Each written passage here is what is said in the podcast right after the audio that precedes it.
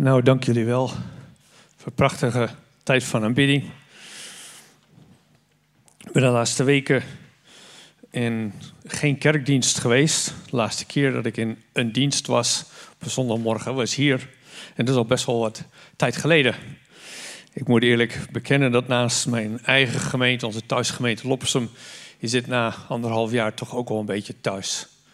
Ik vind het ook wel heel gaaf om uh, zoveel van jullie te zien. En ja, vind ik wel toch altijd weer bijzonder. Als je zo'n tijd met elkaar optrekt, dat je elkaar beter leert kennen. En ik ken lang niet al jullie namen, maar de gezichten zijn vertrouwd. Het is gewoon uh, heel cool om hier te zijn. Bijzonder ook vanmorgen, dankjewel Amos en uh, een team voor, ja, voor de aanbidding. Ik heb vaak dat je een aanbidding gewoon binnenkomt en vanmorgen kwam die binnen. Dus daar ben ik heel dankbaar voor bij mij. Tijd van herstel. Ik kom net terug van een reis naar Canada. Ik ben drie weken in Canada geweest met Nettie, mijn vrouw. Uh, afgelopen zondag thuisgekomen, dus ik zit nog in de jetlag, zelfs na een week. Ik denk dat de leeftijd is dat die wat langer duurt dan anders. Dus ik ben wakker als ik slaap en ik slaap als ik wakker ben. Dus ja, dat, ik had gehoopt dat het vandaag over zou zijn, maar ik heb vannacht bagger geslapen. En ik zou nu op dit moment niks lievers willen dan mijn kussen ruiken. dus ik heb twee bakken koffie gehad, dus ik hoop dat ik het volhoud tot uh, het eind van de preek. Maar als het een beetje onsamenhangend klinkt, dan ligt het daaraan. Ja, ik wil iets delen vanmorgen. Uh, als we het dan hebben over God die herstel brengt en die uh, waarheid spreekt in ons leven. Um, daar wil ik ook iets over vertellen en delen met jullie. Maar dat gaan we vanmorgen niet alleen maar persoonlijke verhalen vertellen, maar ook wel deel lezen natuurlijk uit het woord. And I would like to thank my Do you guys understand English? Do you understand English back there? Yes, I want to thank you for sharing your story with us this morning and opening up your heart and your sorrow and also your rejoicing and your longing for the opening of your church in Iran and of your country. And uh, so precious that you share that with us. And I hope that you will also receive a sense of welcome and warmth as you're staying here in Holland. We bless you with that. Um, my story I'm also an immigrant um, my whole life already, and I think I'm going to be staying that all my life. And so a little bit of my story, yeah, kind of goes parallel with yours. Um, so I hope that God may speak to you also this morning. Ik wil graag met jullie lezen uit Romeinen 8, vers 9 tot 19. Ik denk dat dit het gedeelte is waar Paulus het meest intiem is. Um, als het gaat over God kennen. Um, ik ben natuurlijk nog steeds een beetje betrokken bij de gemeente, ook in het onderwijsteam. En ook samen met Ton en Peter en uh, Tamar over nagedacht het thema voor dit seizoen. En ik heb ook de preek van Ton en van, uh, van Stefan beluisterd via internet. En de prachtige woorden dat zij beiden hebben gesproken. We zijn jullie gezegend uh, als gemeente met ja, deze mensen en nog vele anderen. Ik vind het altijd een voorrecht om daar getuige van te zijn. Romeinen 8 vanaf vers 9. Ik hoop dat je je Bijbel bij je hebt. Broeder Stefan die heeft het uh, goed uh, weer even ingepeperd.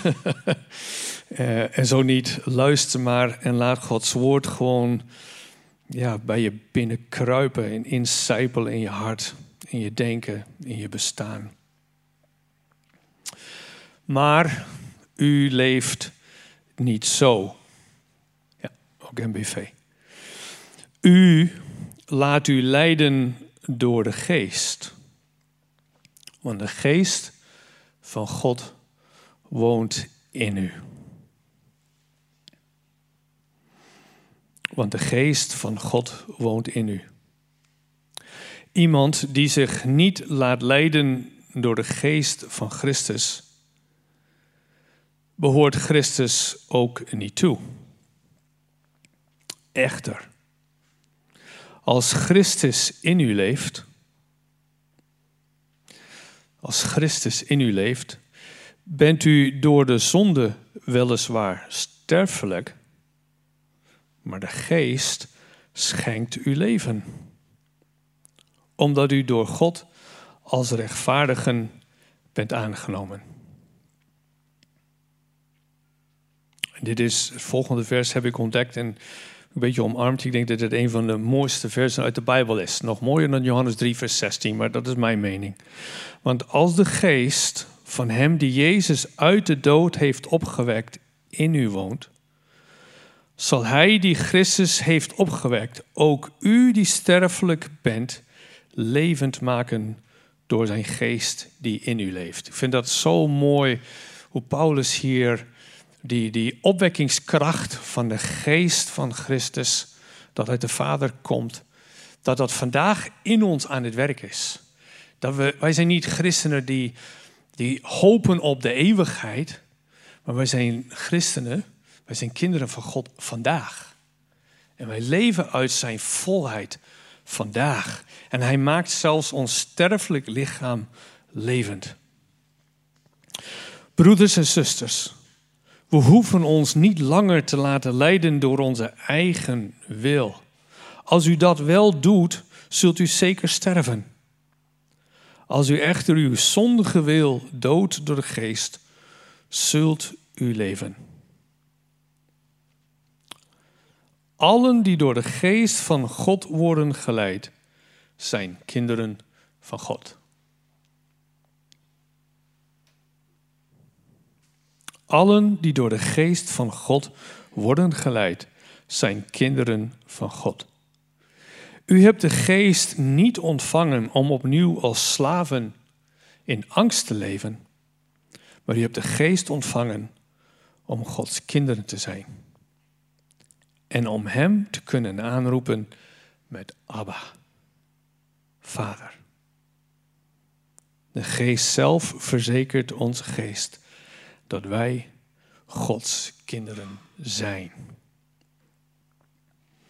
En nu wij zijn kinderen zijn, zijn we ook zijn erfgenamen, erfgenamen van God. Samen met Christus zijn wij erfgenamen. Wij moeten delen in zijn lijden om met hem te kunnen delen in Gods luister. En ik ben ervan overtuigd dat het lijden van deze tijd in geen verhouding staat tot de luister die ons in de toekomst zal worden geopenbaard.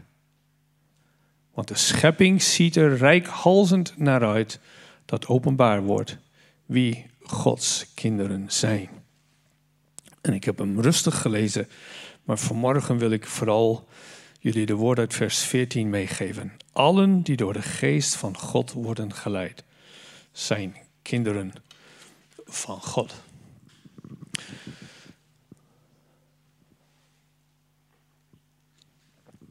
Um,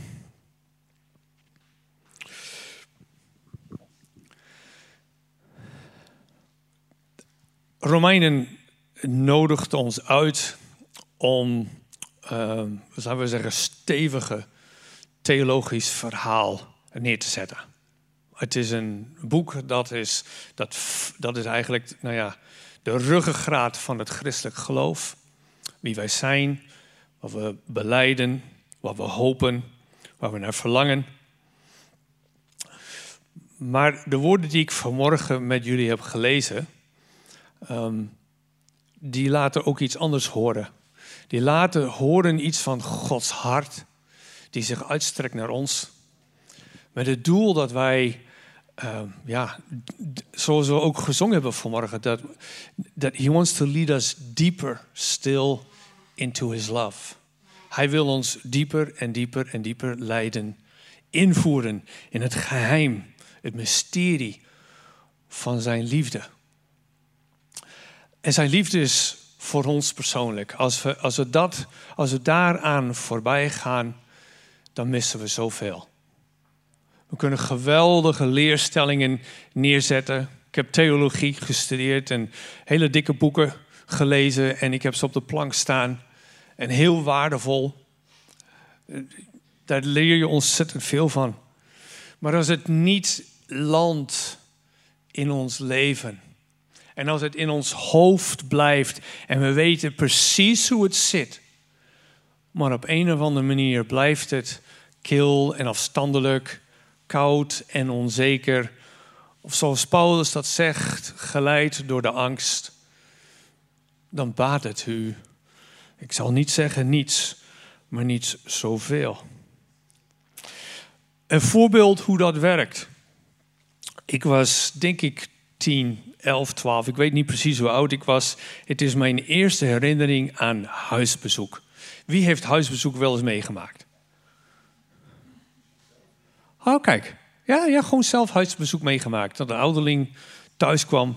Ja, ouderling thuis. Dus gelukkig zaten er ook nog wat dertigers bij. Anders voel ik me eigenlijk zo oud. Um, ik was, ik weet niet, 10, 11, 12 is mijn eerste herinnering. En gelukkig ook een van mijn laatste aan huisbezoek. Um, wij woonden toen in Grand Rapids, Michigan. Mijn vader studeerde theologie.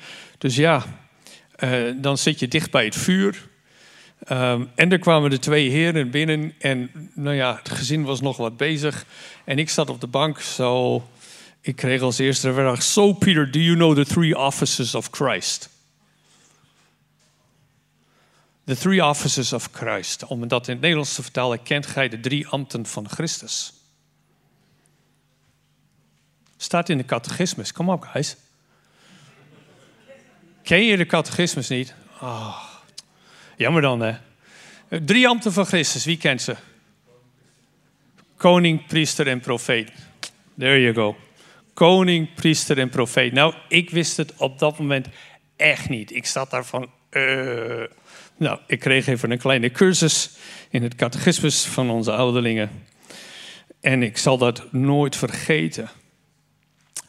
En als je er op een afstand naar kijkt en erover nadenkt, denk je, kom op jongens, een kind van tien, vraag hem of hij van Jezus houdt of zoiets, weet je wel. Of wat vind je het mooiste aan het Koninkrijk van God? Probeer iets eenvoudigs te doen. Heb je, heb je een vlinder gezien de laatste tijd? Die is ook wedergeboren of zo, weet je wel. Iets, iets leuks, iets wat bij een tienjarige past. Maar nee, je komt binnen met een vraag over de drie ambten van Christus. En tegelijk, wat zo bijzonder is, dat dit wel heel veel voor mij is gaan betekenen in de loop der jaren. Even uitleggen voor degenen die nog niet of niet eerder hebben gehoord. Jezus is dus koning, profeet en priester. Of om het in de goede volgorde te doen, hij is priester naar de orde van Melchizedek, zegt de brief van Hebreeën. Melchizedek was een koning van Salem, dus Melchizedek betekent koning van gerechtigheid Koning van Salem betekent koning van vrede. En Abraham, toen hij terugkwam van een veldtocht, bracht offers aan Melchizedek. Dus zegt de schrijver aan de Hebreeën in het Nieuwe Testament: dat is dus een priesterlijke koning die voorafging aan Levi. En dus aan alle priesterlijke wetten van het Oude Testament. En in de psalmen staat dat God over zijn zoon, over de koning uitspreekt: Ik heb u priester gemaakt naar de ordening van Melchizedek. Jezus is de hoge priester naar de ordening van Melchizedek. Dat wil zeggen, hij bemiddelt tussen God en mensen. Hij doet voorbeden voor ons. Hij is voortdurend aan de rechterhand van de Vader. En hij pleit voor alle heiligen samen met de Geest. Dag en nacht wordt er voor ons gebeden door, de, door Jezus en door de Heilige Geest voor de troon van genade. Dag en nacht. Voor jou, voor mij, voor de kerk in Iran, voor de gemeente van Jezus Christus. Voor allen die Hem nog niet kennen. Mozes zegt, God zal een profeet doen opstaan zoals ik. En dat is dus Jezus. Niet Elia, want dat was Johannes de Doper, maar Mozes. Toen Jezus verheerlijkt werd op de berg en de drie discipelen, eh, Petrus en Johannes en die derde uh, erbij waren, uh, Jacobus voor mij. Um, toen waren daar Elia en Mozes en Jezus bij elkaar. Hij is profeet, hij brengt het woord van God. Het hele Nieuwe Testament is het woord dat vertelt ons over wie Christus is maar hij is ook het levend woord. God spreekt door Christus tot ons. En Jezus is de zoon van David. Hij is koning. Hij is koning over gerechtigheid. Hij is de koning van vrede. Hij is het koning over het volk Israël. Hij is de koning, de gezalfde, de Messias, de Christus, door God aangesteld. En alles en iedereen, heel de schepping, moet en zal voor hem buigen. En op het moment dat elke knie zich buigt en elk beleid, dat Jezus Christus Heer is, is dat niet alleen tot eer van God de Vader, maar dan brengt Hij alles tot voor de troon van God en zullen alle dingen zijn hersteld. Dat zijn de drie ambten van Christus. Maar wat nou zo bijzonder is, of nog bijzonderder, is dat wij die drie ambten van Christus dragen. Want als Christus in ons is, alles wat van Christus is, zijn volheid, woont ook in ons. En dat betekent, dit is dus waar het kennen over die drie ambten van Christus heel belangrijk. En dan kan je in de Heidelbergse catechismus, kan je zo googlen, Heidelbergse catechismus.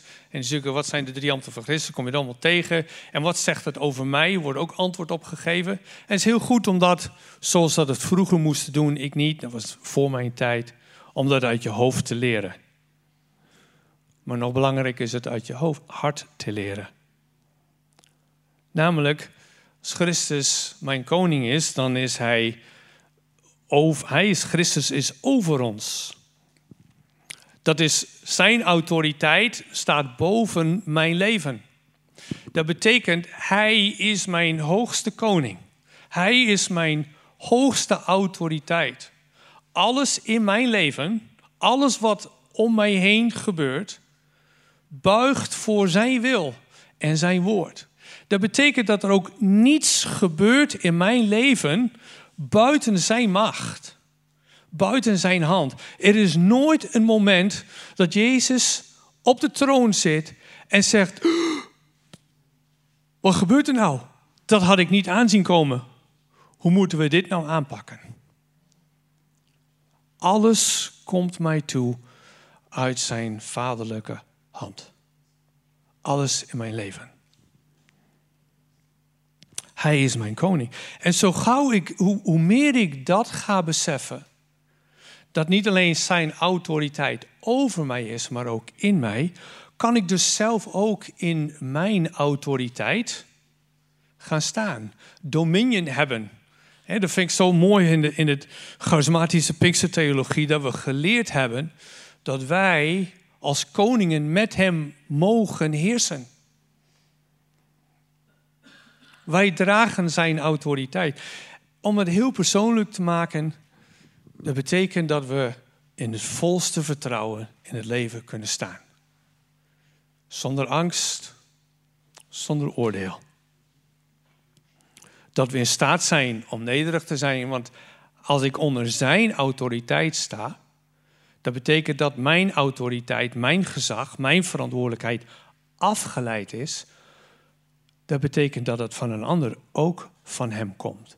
En ik kan de ander, mijn broeder en mijn zuster, of die nou hetzelfde denkt of anders denkt dan ik, hetzelfde in het leven staat of anders, die kan ik zien mede als afgezant van mijn koning.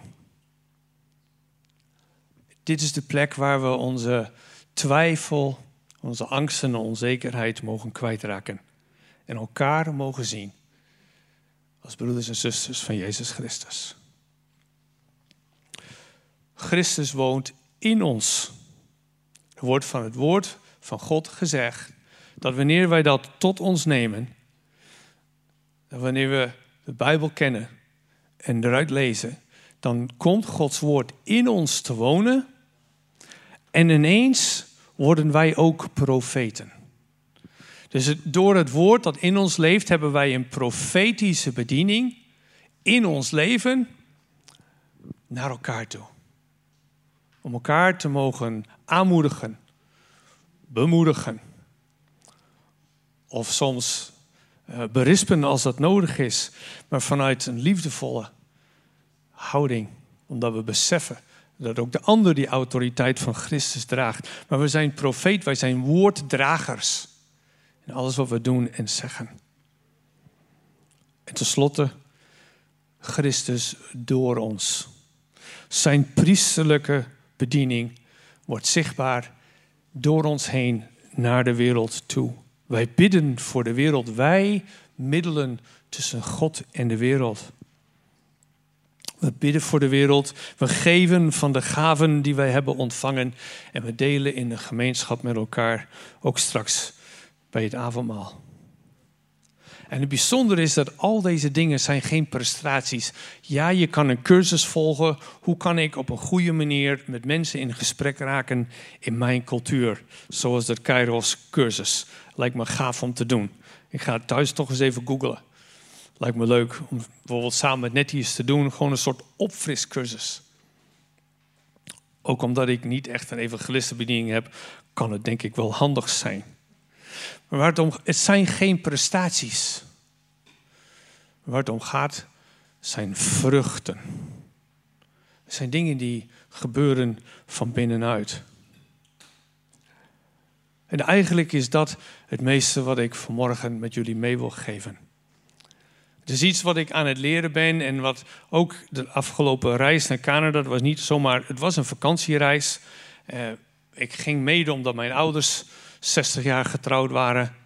Uh, uiteindelijk ben ik gegaan, ondanks dat mijn ouders 60 jaar getrouwd waren. En er zit een heel lang verhaal met heel veel pijn over gebrokenheid in onze familie.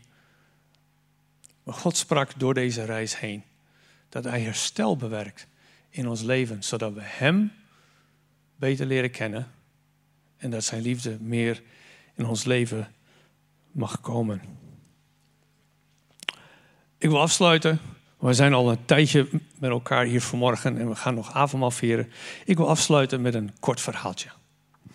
En ik ben blij dat ik, ik was, ik stond op het punt om wat foto's mee te nemen van de reis en een beetje de bergen. Ik heb echt samen met een roadtrip gemaakt met een pick-up die we mochten lenen van iemand, een dikke trailer erachter door de bergen. En het was super cool.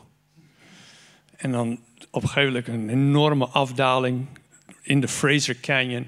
De auto kon het amper houden en we zongen samen How Great Thou Art. Want als ik in Canada ben tussen de bergen, dan ben ik weer thuis. Dat is als het ware de plek waar God echt tot mij spreekt en iets aanraakt. Maar er gebeurde iets anders, dat wil ik met jullie delen. Um, wij gingen 5 september, en dat betekent dat je 5 september ook aankomt. En 5 september waren er nog heel weinig versoepelingen voor mensen die naar Canada wilden. En ik heb mij even samen met Nettie uh, ingeschreven via de app, een speciale app daarvoor. Arrive Can heette dat. Waar je allerlei coronabewijzen en testen en dat hele, de hele kraam uh, moest op tafel komen. Maar voor Nettie, die geen Canadees is, was het erg lastig. Um, zij moest sowieso bewijzen dat ze op dringend familiebezoek kwam. Nou, mijn ouders waren 60 jaar getrouwd. Ze moest bewijzen dat ze echt naar familie toe ging. Nou, onze zoon, onze schoondochter en onze twee kleinkinderen wonen daar. Dus wij hebben van tevoren Pieter Jan, onze zoon, zijn geboortecertificaat uit de papieren opgehaald. Er staan beide namen van Nettie en mij erop. Uh, we hebben van hun samen, Pieter Jan en Juliane, hebben we de marriage certificate een kopie gekregen. We hebben van hem een kopie van de woningbouwvereniging waar, waar die onder valt, of de vereniging van, uh, van eigenaren. Van daar woont hij. We hebben van mijn ouders uh, hun marriage certificate gekregen, dat zij 60 jaar geleden getrouwd waren. Daar staat, ik heb van hun uh, ik had mijn geboortebewijs, daar staat op dat zij mijn ouders zijn. Dus ik had een hele bundel papieren. We hadden een coronatest van tevoren af moeten nemen. We waren gevaccineerd van tevoren. Al die bewijzen geüpload, in papier afgedrukt, op de telefoon. En via Pieter Jan moesten we van tevoren registreren voor een test op de luchthaven van Vancouver. Als we eraan komen, direct testen. En mogelijk 14 dagen quarantaine. Dus al die dingen moesten wij van tevoren hebben voorbereid. Voor haar. Want ik heb een paspoort. En dat is zo cool. En dat is zo cool. Dit opent deuren. En wat heel bijzonder was, wij stapten in, wij zijn via Parijs gegaan. En in Parijs was er een security agent bij de gate. En die vroeg ons, maar you know, where's your marriage certificate? How do I know that you are married? Hoe weet ik dat jullie getrouwd zijn? Ja, op Nettie's paspoort staat dan Posma, EV, Ravensbergen in kleine letters. Ik zei, nou ja, uh, ik heb hier een elfvol geboortecertificaat van onze zoon. Daar staan onze beide namen op. Oké, go ahead, zei hij. Dus wij zaten op een vliegtuig en ik denk, ik heb gelijk onze dochter geappt die nog thuis was. Ze zei, Marilies, wil je even naar mijn kantoor, wil je daar en daar ons trouwboekje pakken? Wil je foto's maken van onze trouwboekje? Want dat is het dichtste bij wat een marriage certificate voor ons komt. Wij komen in Canada aan, we komen bij de douane. Hele lange rij, want de geautomatiseerde paspoortcontrole hebben ze opgegeven tijdelijk. En die man begon allerlei vragen te stellen. Die zei, where is your marriage certificate? Ik zei, nou, ik heb mijn trouwboekje, et cetera. En ik liet dat zien. Maar dit ding maakt het verschil. Dus we hadden duidelijk, we gaan naar familiebezoek. Mijn ouders 16 jaar getrouwd, et cetera.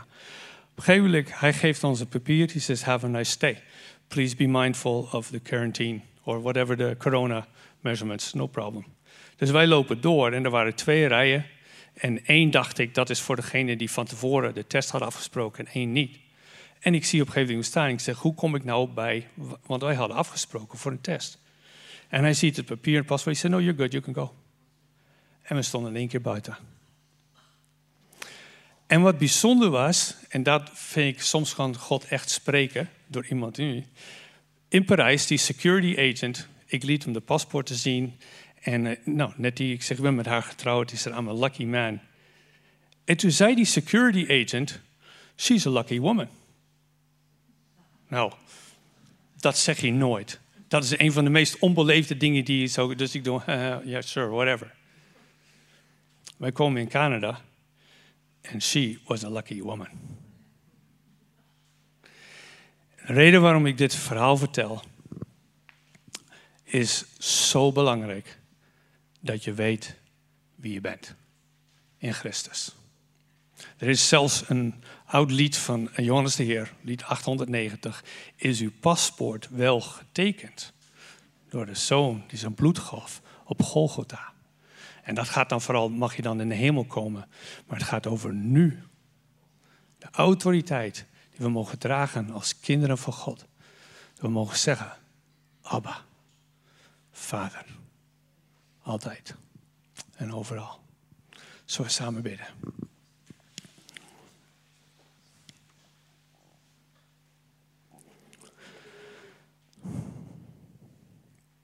Dank u wel, Vader, dat u onze Vader bent. Dank u wel, Heer, dat u ons kent, maar ook dat we u mogen kennen.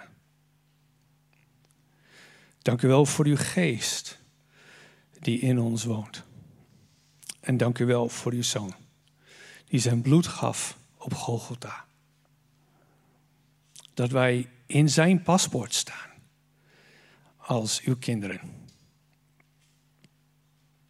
Heer, zo komen voor uw troon. We zegenen gewoon het werk wat u gedaan hebt in ons leven, wat u aan het doen bent in ons leven, in deze gemeente, door uw kerk, in deze wereld, wereldwijd, tot in het einde der tijden. Heer, en we zien uit naar vandaag en naar morgen.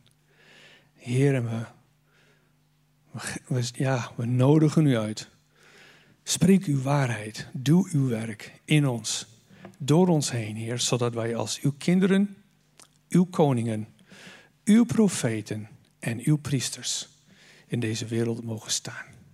Sterk ons geloof door uw woord, door uw geest en door het avondmaal. In Jezus' naam. Amen.